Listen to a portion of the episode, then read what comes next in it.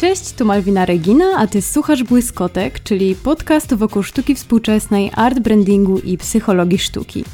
Dzisiejszy odcinek poświęcony jest Markowi Rotko, czyli artyście emocji, pionierowi ekspresjonizmu abstrakcyjnego i człowiekowi, którego śmierć ostatecznie przypieczętowała sposób, w jaki odbieramy dzisiaj jego obrazy.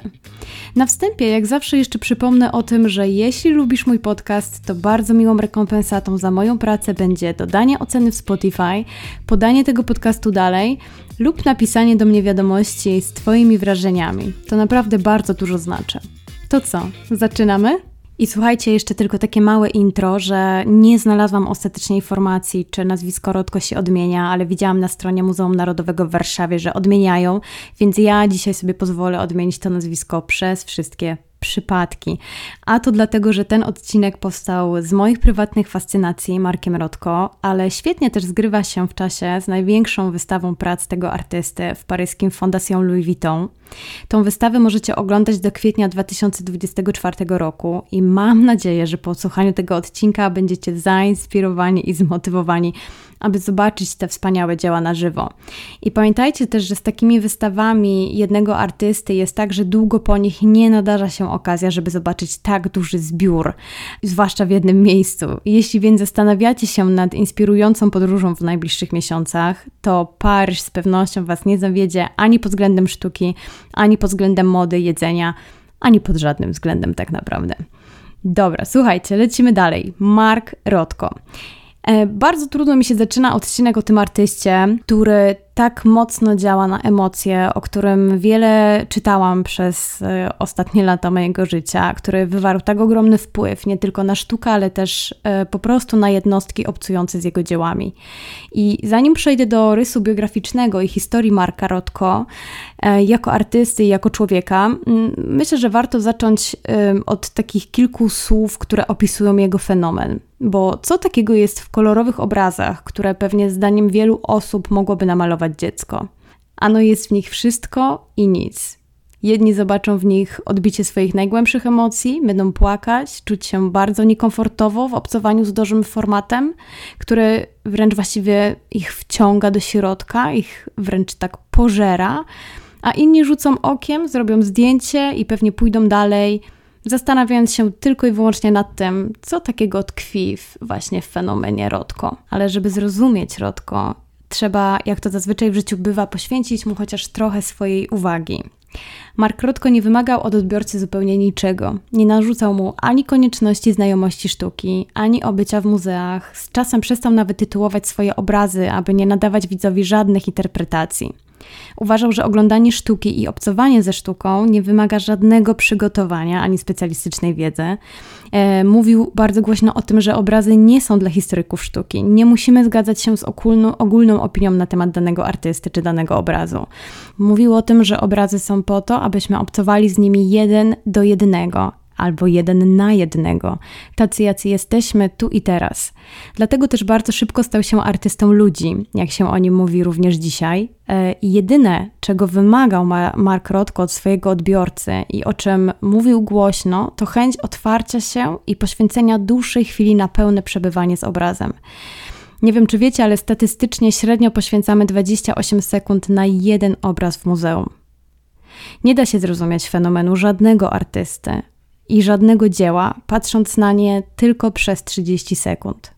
I dotyczy to zarówno Rodki, jak i Picassa, jak i każdego polskiego artysty, niezależnie od epoki, nawet twórców też, a może przede wszystkim twórców młodej sztuki. Według Rodko idealnymi warunkami do obcowania z jego sztuką było pomieszczenie, w którym jego obrazy znajdują się w odpowiedniej odległości, mm, tak aby nie wpływały na siebie nawzajem. E, I co ważne, e, bardzo precyzyjnie też określił odległość widza od jego obrazu, i ta odległość miała wynosić 45 centymetrów.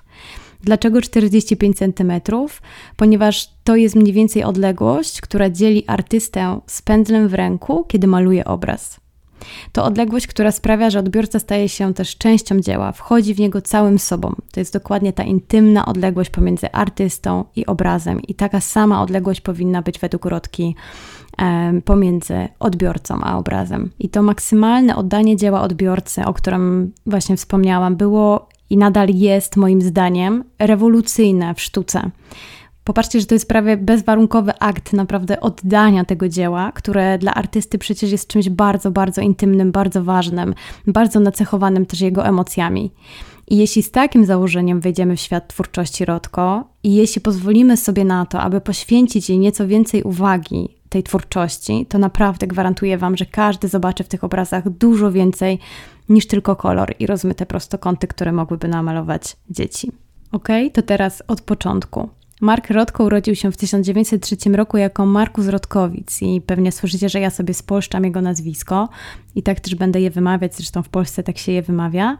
Urodził się w Dyneburgu, które należało wtedy do rosyjskiego imperium, a dzisiaj jest częścią Łotwy. E, co jest bardzo istotne też, jeśli chodzi e, o całe właściwie jego życie, to urodził się w rodzinie żydowskiej, co pod koniec lat 30. bezpośrednio przyczyni się do zmiany jego nazwiska właśnie z Rodkowic na Rodko ponieważ oczywiście przyczyną tej zmiany nazwiska była narastająca antysemicka propaganda w Niemczech, która też przedzierała się niestety na inne kontynenty, w tym również do Stanów Zjednoczonych do których rodzina Rodki wyemigrowała, kiedy e, chłopiec miał 10 lat, więc e, na szczęście dużo wcześniej niż, niż lata, e, lata 40. i początek II wojny światowej. I to właśnie już w Stanach Rodko zyskał nowe imię i nazwisko. Tutaj też w wieku 18 lat został przyjęty na Yale, które jednak niestety musiał porzucić ze względu na brak stypendium i po prostu brak możliwości finansowania dalszych studiów. Co ciekawe, 46 lat później otrzymał honorowy doktorat Yale e, w dziale sztuk pięknych, oczywiście już w późniejszym etapie swojej twórczości i działalności. Ale do tego jeszcze długa droga. Jako młody chłopak postanawia przeprowadzić się do Nowego Jorku, e, gdzie potrzebuje dłuższej chwili, żeby zorientować się, co w życiu sprawia mu przyjemność i satysfakcję. Przez chwilę pracował jako robotnik w nowojorskiej dzielnicy odzieżowej, co jest ciekawostką, o której ja na przykład nie wiedziałam, mm, aby potem pewnego dnia zobaczyć, jak jego znajomy wykonuje szkice nagiej kobiety i podobno, podobno wtedy właśnie tego dnia miał postanowić, że poświęci swoje życie sztuce. Wtedy też zaczął uczęszczać na Parsons School of Design w Nowym Jorku, gdzie uczył się malarstwa od, pod okiem abstrakcjonisty Gorkiego, którego pracę również Wam polecam, jeżeli nie mieliście nigdy okazji e, się z nimi zaznajomić.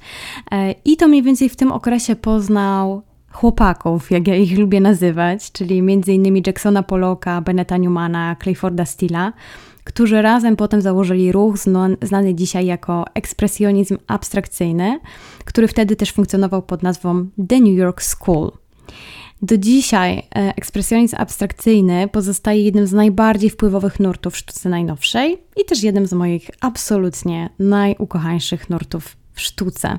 Warto zaznaczyć, że był to ruch, który w tamtych czasach, a jesteśmy mniej więcej w latach 40. XX wieku, był to jedyny amerykański ruch, który zdobył rozgłos na europejskim kontynencie. I teraz taki krótki rys historyczny. Sztuka amerykańska przez długie dekady nie miała możliwości przebicia się poza swoją bańkę.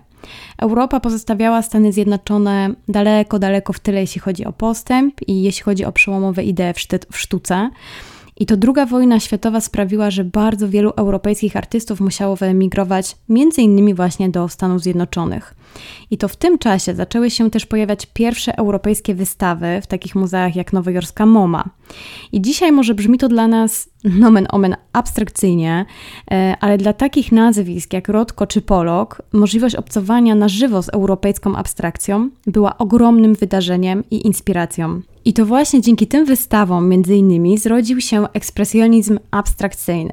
Bardzo polecam Wam biografię Peggy Guggenheim, e, która zresztą przyjaźniła się z Rodko, e, bo znajdziecie w niej świetnie i bardzo szczegółowo opisane właśnie te lata, te dekady w sztuce europejskiej i amerykańskiej. Oczywiście Wam to podlinkuję też w poście e, na Instagramie do tego odcinka. To jeszcze tak szybko o tym, czym jest ekspresjonizm abstrakcyjny. E, chłopaki, którzy założyli ten ruch, stawiali przede wszystkim na proces, a nie na sam styl.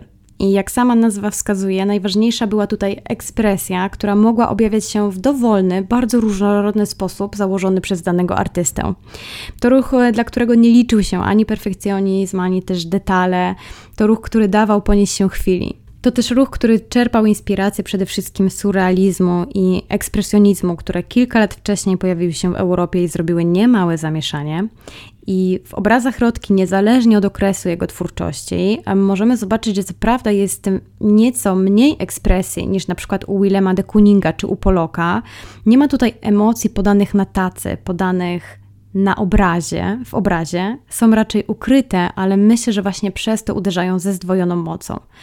E, I co ciekawe, też zwróćcie uwagę, że nie ma tutaj tej eksplozji kolorów, jak znowu u tych artystów, co przed chwilą ich wymieniłam, chociaż właśnie to kolor jest atrybutem rodki.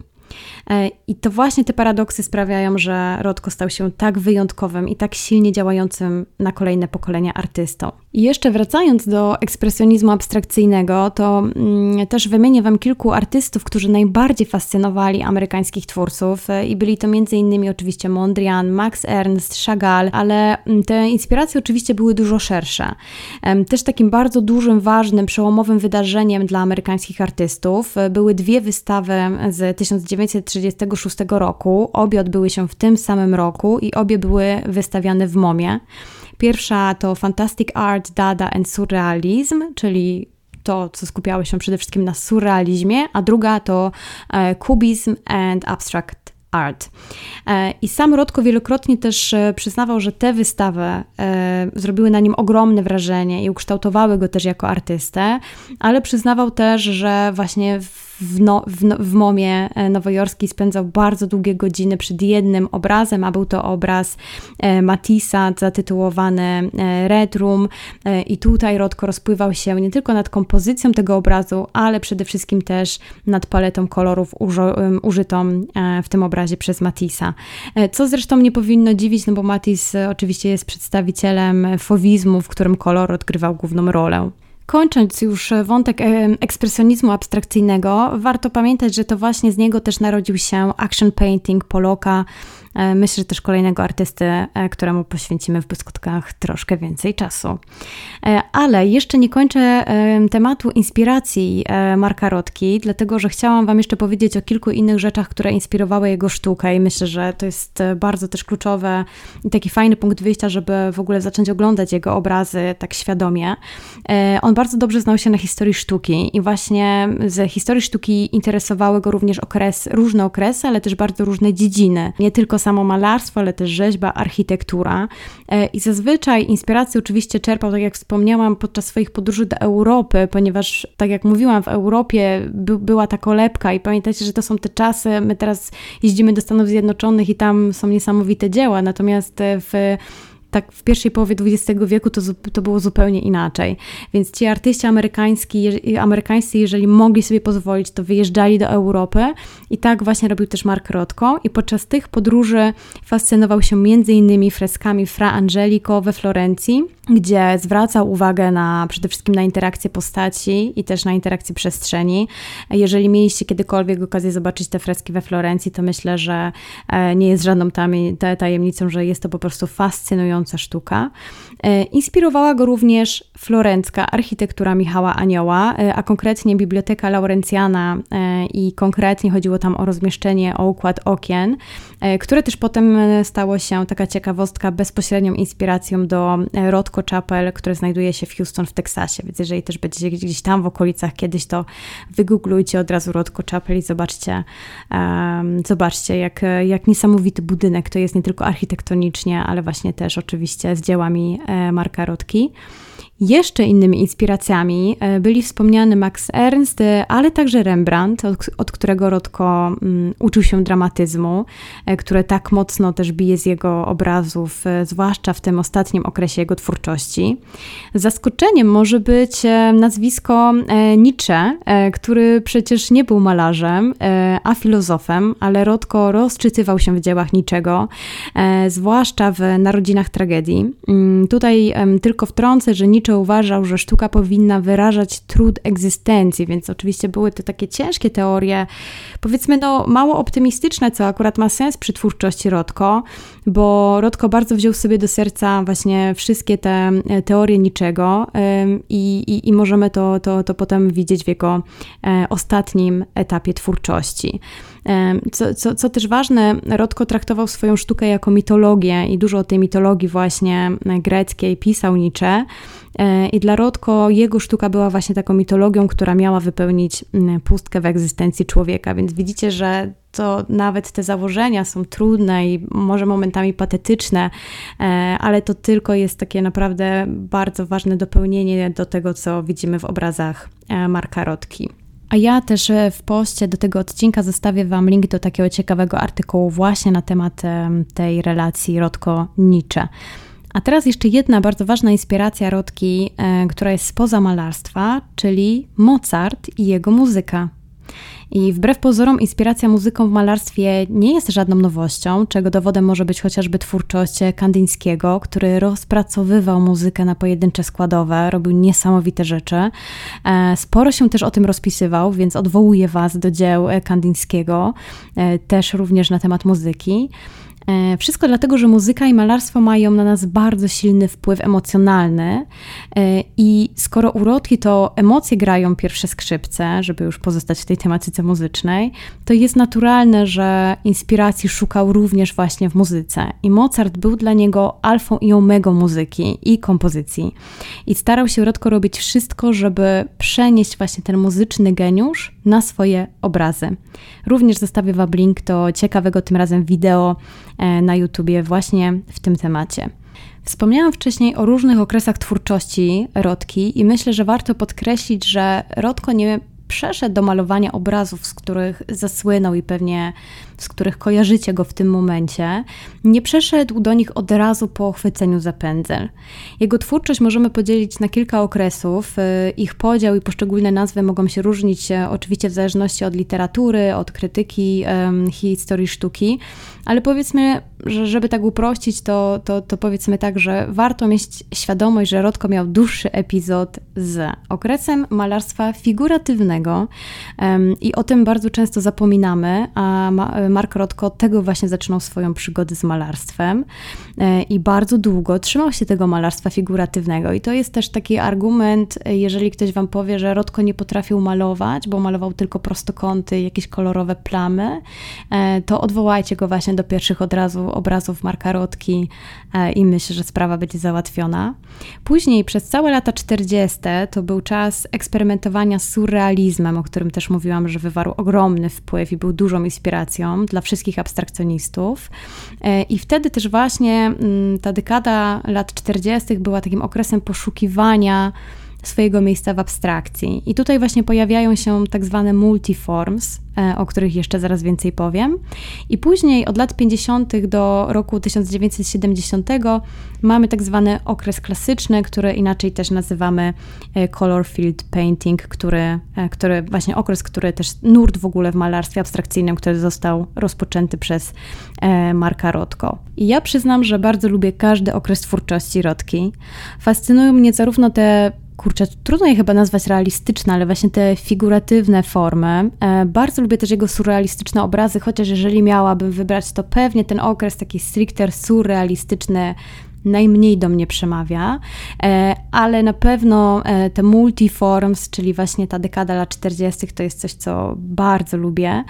Tak jak wspomniałam, to był ten czas, kiedy Rodko poszukiwał swojego miejsca w abstrakcji, i tutaj fascynuje mnie przede wszystkim ten okres e, pod względem użycia kolorów, ale też użycia pędzla i w ogóle sposobu przenikania się tych form. Te multiformy pojawiły się w twórczości Rodko tak dokładnie w 1946 roku. I co ciekawe, nazwa na te obrazy, czyli multiforms, e, nie pochodzi od samego artysty, ale z artykułów na temat sztuki, tutaj od krytyków sztuki, e, którzy już nadali tę nazwę po śmierci artysty w 1970 roku, e, który zmarł w wieku 66 lat. E, multiforms bardzo często porównuje się do biometrycznych form. Tutaj, zwłaszcza w literaturze anglojęzycznej, możemy przeczytać, że to są biometric forms, mm, co dzisiaj akurat może mieć takie mylne konotacje niż wtedy w latach 40., bo dzisiaj bardziej kojarzymy e, hasło biometryczne mm, z czymś, e, co, co może się, nie wiem, wiązać na przykład z naszym wzrokiem czy z naszymi odciskami palców. Wtedy chodziło bardziej o biologiczne mikroformy, które są zainspirowane tym, co możemy zobaczyć pod mikroskopem. I kiedy zobaczycie, spojrzycie sobie na te multiformy, to właśnie takie skojarzenia przychodzą nam do głowy. Skojarzenia z fascynującym mikroświatem, który znajduje się pod mikroskopem. I widzimy tutaj znacznie szerszą paletę kolorów niż w późniejszych obrazach Rodki, co sprawia, że całość staje się bardziej różnorodna.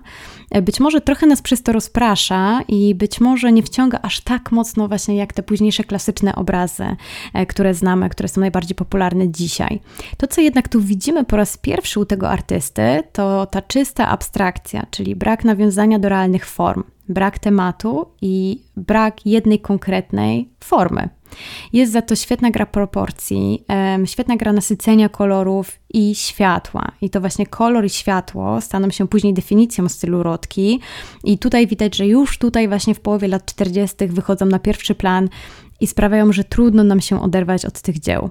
Dla mnie to jest taki przedsionek do fascynującego wnętrza, do którego e, w pełni wchodzi się e, właśnie w latach 50., czyli wtedy, kiedy Rodko zaprasza nas e, wszystkich do swoich klasycznych form, które, które potem już zyskały ogromną popularność. Multiformy, te multiforms, to również pierwsze obrazy, które Rodko malował w tak dużych formatach. I te duże formaty będą później jego znakiem rozpoznawczym, który sam tłumaczył w bardzo fascynujący sposób.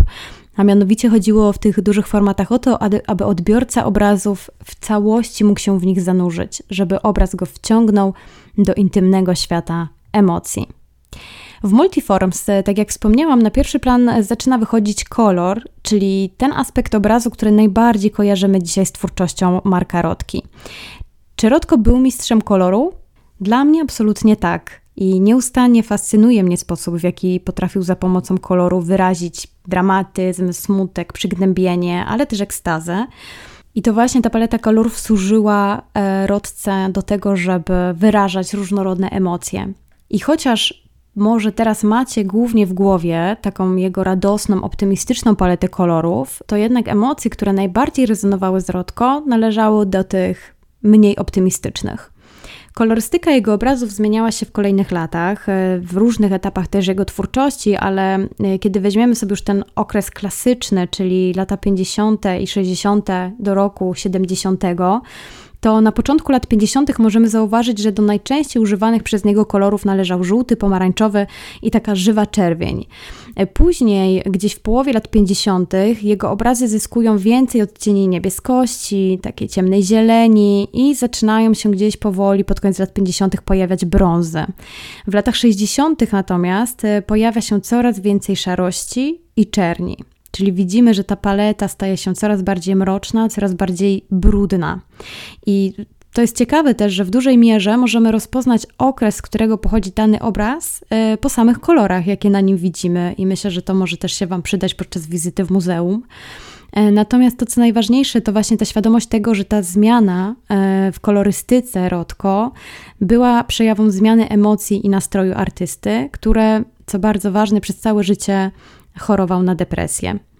I ostatnia dekada jego życia, więc lata 60., e, to ciemny okres w jego sztuce, kolorystycznie, e, który po prostu powoli, powoli, stopniowo zbliża nas e, do tragicznego końca tego artysty, który popełnił samobójstwo poprzez podcięcie żył w 1970 roku. Jego bliscy smutno komentowali, że ta śmierć nie była dla nich wielkim zaskoczeniem, dlatego że w ostatnich latach, latach swojego życia Rodko coraz bardziej tracił zapał, inspirację i motywację nie tylko do życia, ale również, a może przede wszystkim do twórczości. Co ciekawe, dużo się też mówiło o tym, że do wypalenia w dużej mierze przyczynił się wzrost popularności popartu, e, który był otwarcie krytykowany przez e, Marka Rotko. E, I jak to zawsze bywa, gdy pojawia się coś zupełnie nowego i niezrozumiałego dla przedstawicieli już takiego ugruntowanego nurtu, Rotko najprawdopodobniej nie mógł sobie poradzić z nową rzeczywistością, nie mógł się w niej odnaleźć. Mówimy tu o nowej rzeczywistości w sztuce przytłoczyła go ta niemożność, e, przytłoczyło go to, co zaczęło się dziać wokół popartu, też ogromna popularyzacja sztuki i pojawianie się też e, artystów, którzy po prostu stawali się celebrytami z jego nastawieniem do życia, z jego nastawieniem przede wszystkim też do sztuki, o którym dużo Wam dzisiaj też powiedziałam, e, było to po prostu dla niego za dużo. I trochę tak zmierzając ku końcowi, chciałam Wam jeszcze powiedzieć dosłownie kilka słów o technice i o formach na obrazach Rodki. Mm, być może zastanawialiście się kiedyś, dlaczego Rodko wybrał akurat formę prostokątów, e, które w różnych wariacjach widać na jego klasycznych obrazach. E, jak sam tłumaczył artysta, prostokąty są dużo łatwiejsze w odbiorze niż inne figury. Są bardziej uniwersalne niż koła i trójkąty, pozwalają na spokojniejsze obcowanie z obrazem, nie rozpraszają. Mimo tego, że na obrazach Rodki każdy prostokąt funkcjonuje osobno, e, zwróćcie uwagę, że razem stają się spójną jednością, która pochłania widza w taki wręcz spirytualistyczny sposób. Zwróćcie też uwagę na to, jak różnorodnie rozmieszczone są te prostokąty na każdym z obrazów Rodki z tego okresu. I chociaż widzimy spójność, to kolor, światło i proporcje sprawiają, że każde z jego kilkudziesięciu dzieł z tego okresu trafia do nas w zupełnie inny sposób, wywołuje różnorodne emocje i rezonuje z nami e, w innym kontekście. Rodko mówił o swoich obrazach, że nie są abstrakcją, ale że żyją i oddychają. A wszystko dlatego, że sposób dobierania kolorów i malowania proporcji tych prostokątów sprawiają, że wizualnie te obrazy wydają się nam ruszać, żyć i oddychać. Efekt ten wynika też często z niestarannego rozmycia farby, tak aby powstawały prześwity, jednak nie dajcie się zwieść, że to brak umiejętności rodki do pokrywania płótna farbą. Wręcz przeciwnie, to specjalny zabieg, który często pojawia się w ekspresjonizmie e, i który ma właśnie ożywiać obraz. Podobnie też działają rozmyte krańce prostokątów, e, czy wręcz zacieki, które możemy dojrzeć na niektórych obrazach e, urodki, a które powstawały bardzo często wtedy, kiedy Rodko obracał swój jeszcze mokry obraz, po prostu zmieniając koncepcję tego, gdzie będzie góra, a gdzie dół obrazu. Jeśli zaś chodzi o czystą technikę i warsztat Rodki, to są one owiane tajemnicą, bo sam artysta bardzo niechętnie zdradzał jakiekolwiek szczegóły na temat swojego warsztatu, a właściwie to trzymał je w sekrecie najmocniej jak mógł. Sporo dowiedzieliśmy się już po śmierci malarza za pomocą badań, które wykryły m.in. mieszankę jajek, kleju i np. żywicy, żywic akrylowych w jego farbach. Inną ciekawostką na temat Rodki jest to, że miał bzika na punkcie swoich pędzli. E, oczywiście miał swoje ulubione i traktował je jako najważniejszy element e, swojej pracy. Co ciekawe, preferował pędzle wykonane z miękkiego włosia, ale do dzieł wielkoformatowych często używał pędzli przeznaczonych do malowania ścian. Na koniec przypomnę jeszcze raz, że wraz e, z rozpoczęciem tego okresu klasycznego, czyli tych ostatnich dwóch dekad swojej twórczości, z którymi najbardziej kojarzymy twórczość e, Rodko dzisiaj, e, Rodko przestał tytułować swoje obrazy i przestał je też wyjaśniać w jakikolwiek sposób. I to ten moment w jego twórczości, w którym całkowicie oddał swoje dzieła odbiorcy, o czym mówiłam na początku, w którym przestał mu narzucać cokolwiek. W tym samym czasie mówił o sobie w ten sposób. Nie jestem abstrakcjonistą, nie interesuje mnie relacja pomiędzy formą a kolorem. Interesuje mnie tylko wyrażanie podstawowych ludzkich emocji tragedii, ekstazy, przygnębienia i tym podobnych. Fakt, że tak wiele osób płacze patrząc na moje obrazy, pokazuje tylko, że potrafię wyrażać te emocje. Ludzie, którzy płaczą przed moimi obrazami, przeżywają to samo religijne doświadczenie, którego ja doświadczałem malując ten obraz. Jeśli patrząc na niego jesteś poruszony jedynie relacją między kolorami, oznacza to, że nie wiesz o co w nim chodzi. Kończąc już ten emocjonujący dla mnie odcinek, powiem Wam, że spędziłam długie godziny na przygotowywaniu się do tego podcastu, do tego odcinka. I te przygotowania trwały trochę dłużej niż założyłam, dlatego że chciałam jak najlepiej oddać e, wszystko to, co siedzi we mnie, kiedy patrzę na Marka Rotko, na jego dzieła, bo to, co jest fascynujące w tych dziełach, to fakt, że brak um, metafor, symboli, przedmiotów, które mają nas nakierować na temat obrazu, w jaki sposób sam staje się tematem. W jednym z materiałów znalazłam takie piękne zdanie na temat twórczości Rotki, e, które brzmi tak: Zawsze jako odbiorcy sztuki chcemy poznać znaczenie każdego obrazu. A Rotko w jakiś sposób gra z nami i utrudnia to zadanie, dając do zrozumienia, że nie wszystko musi być takie, jak do tego przywykliśmy. Sprawia, że wychodzimy poza schemat, poza to, co dobrze znamy i rozumiemy. Nie ma tu ani postaci, ani przedmiotów, ani symboli. To niby puste płótno, które jednak zostało wypełnione po brzegi. Czym? Każdy sam odpowiada sobie na to pytanie. Każdy z nas może zobaczyć tam coś innego. To, co mnie najbardziej porusza w twórczości Rodko, to oczywiście wachlarz emocji, jaki potrafi zaserwować. Miałam przyjemność widzieć jego obrazy w Momie i mogę Was zapewnić, że to przeżycie jedyne w swoim rodzaju, dlatego nie mogę się doczekać mojej wizyty w Paryżu. E, zaplanujcie wizytę w takich muzeach większych, właśnie jak MoMA, e, czy gdziekolwiek będziecie, gdzie będą dzieła Rodko, tak aby móc więcej czasu spędzić przed nimi e, i po prostu zatrzymać się przy tych obrazach. Poczekajcie, aż tłum się rozrzedzi, stańcie blisko zamiast siedzieć na ławce i po prostu dajcie się porwać. Sztuka abstrakcyjna ma nam naprawdę wiele do zaoferowania i chociaż wydaje się nam, że jest tak prosta, że każde dziecko mogłoby ją namalować, w rzeczywistości skrywa w sobie dużo, dużo więcej niż wydaje się nam na pierwszy rzut oka.